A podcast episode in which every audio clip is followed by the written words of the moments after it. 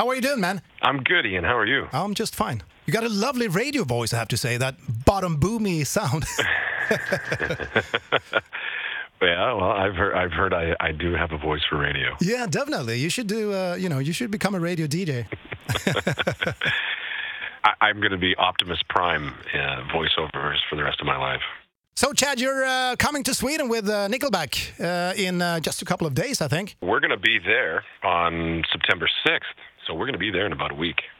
Chad, I know you've been to Sweden before. Do you have any good memories of Sweden? All pleasant.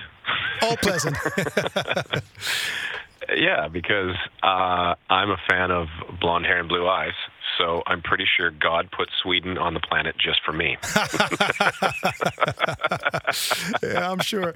I hear a lot that uh, Sweden and Canada uh, have a lot of stuff in common. Do you agree? I do, and we both produce very good hockey players. Let's not forget that. So, Chad, what, what can the Swedish audience expect from uh, Nickelback when you come to Sweden? Well, you know, we're bringing the show. We uh, we love to just get everybody in the room, and we want to get everybody singing along. And we always say the same thing: the first couple songs, it always feels like a show, but then after that, it just turns into a party. And then everybody's singing along, and it just turns into this massive karaoke, you know. That and, and and I love that because I get to sort of lead the charge. I get to lead the party, and that's a great feeling. Yeah, that's right. And you've been around for a long time. You've more than 20 years, or 20 years since you released the first. No, no, no. Man, time flies when you're when you're having fun. Yeah, well, our first gig was in '96, so I think it's probably been just like dead on 20 years. Yeah. But I started the band when I was five. Well, so you've been have you been playing guitar and singing all, all that time, or did you? Yeah, I started singing when I was. I started singing pretty young, but I was never supposed to be the singer of this band.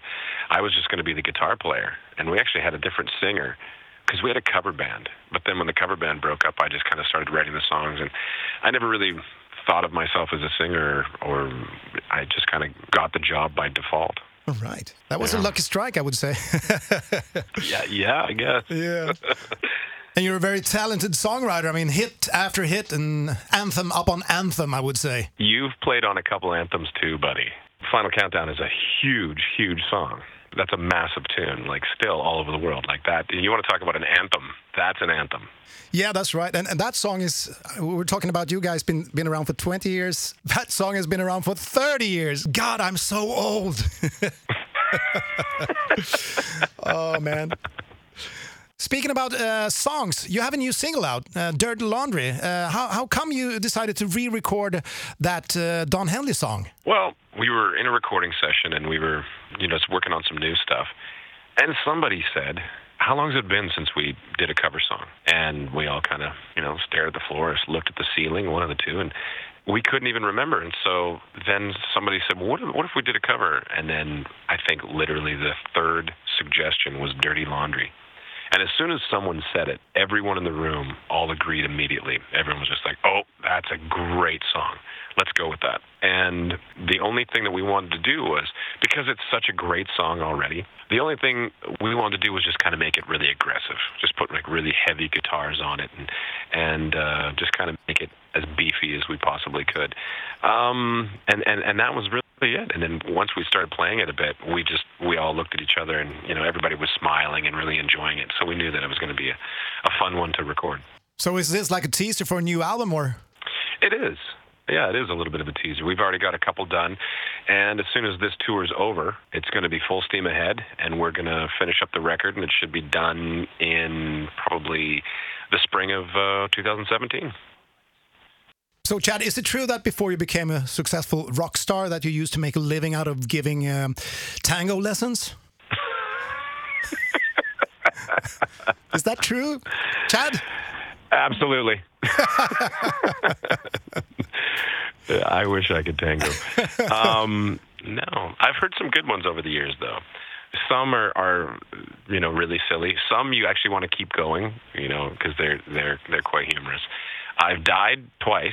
Uh-huh. Um, I had a friend come up to me um, who played in another band, and we were at an award show, and I, I saw him in the um, the lobby of the hotel, and he goes, "Dude, okay, I gotta ask, did you buy an island?" I'm like, where'd you hear that? He's like, everyone keeps telling me that you bought an island. I'm like, well, then just keep that one going because that one's pretty funny. I, I have not bought an island, but just just keep that one going. Rockklassiker. Klassiker. Poddtips från Podplay. I fallen jag aldrig glömmer djupdyker Hasse Aro i arbetet bakom några av Sveriges mest uppseendeväckande brottsutredningar. Går vi in med hemlig telefonavlyssning och, och då upplever vi att vi får en total förändring av hans beteende. Vad är det som händer nu? Vem är det som läcker? Och så säger han att jag är kriminell, jag har varit kriminell i hela mitt liv men att mörda ett barn, där går min gräns. Nya säsongen av Fallen jag aldrig glömmer på Podplay.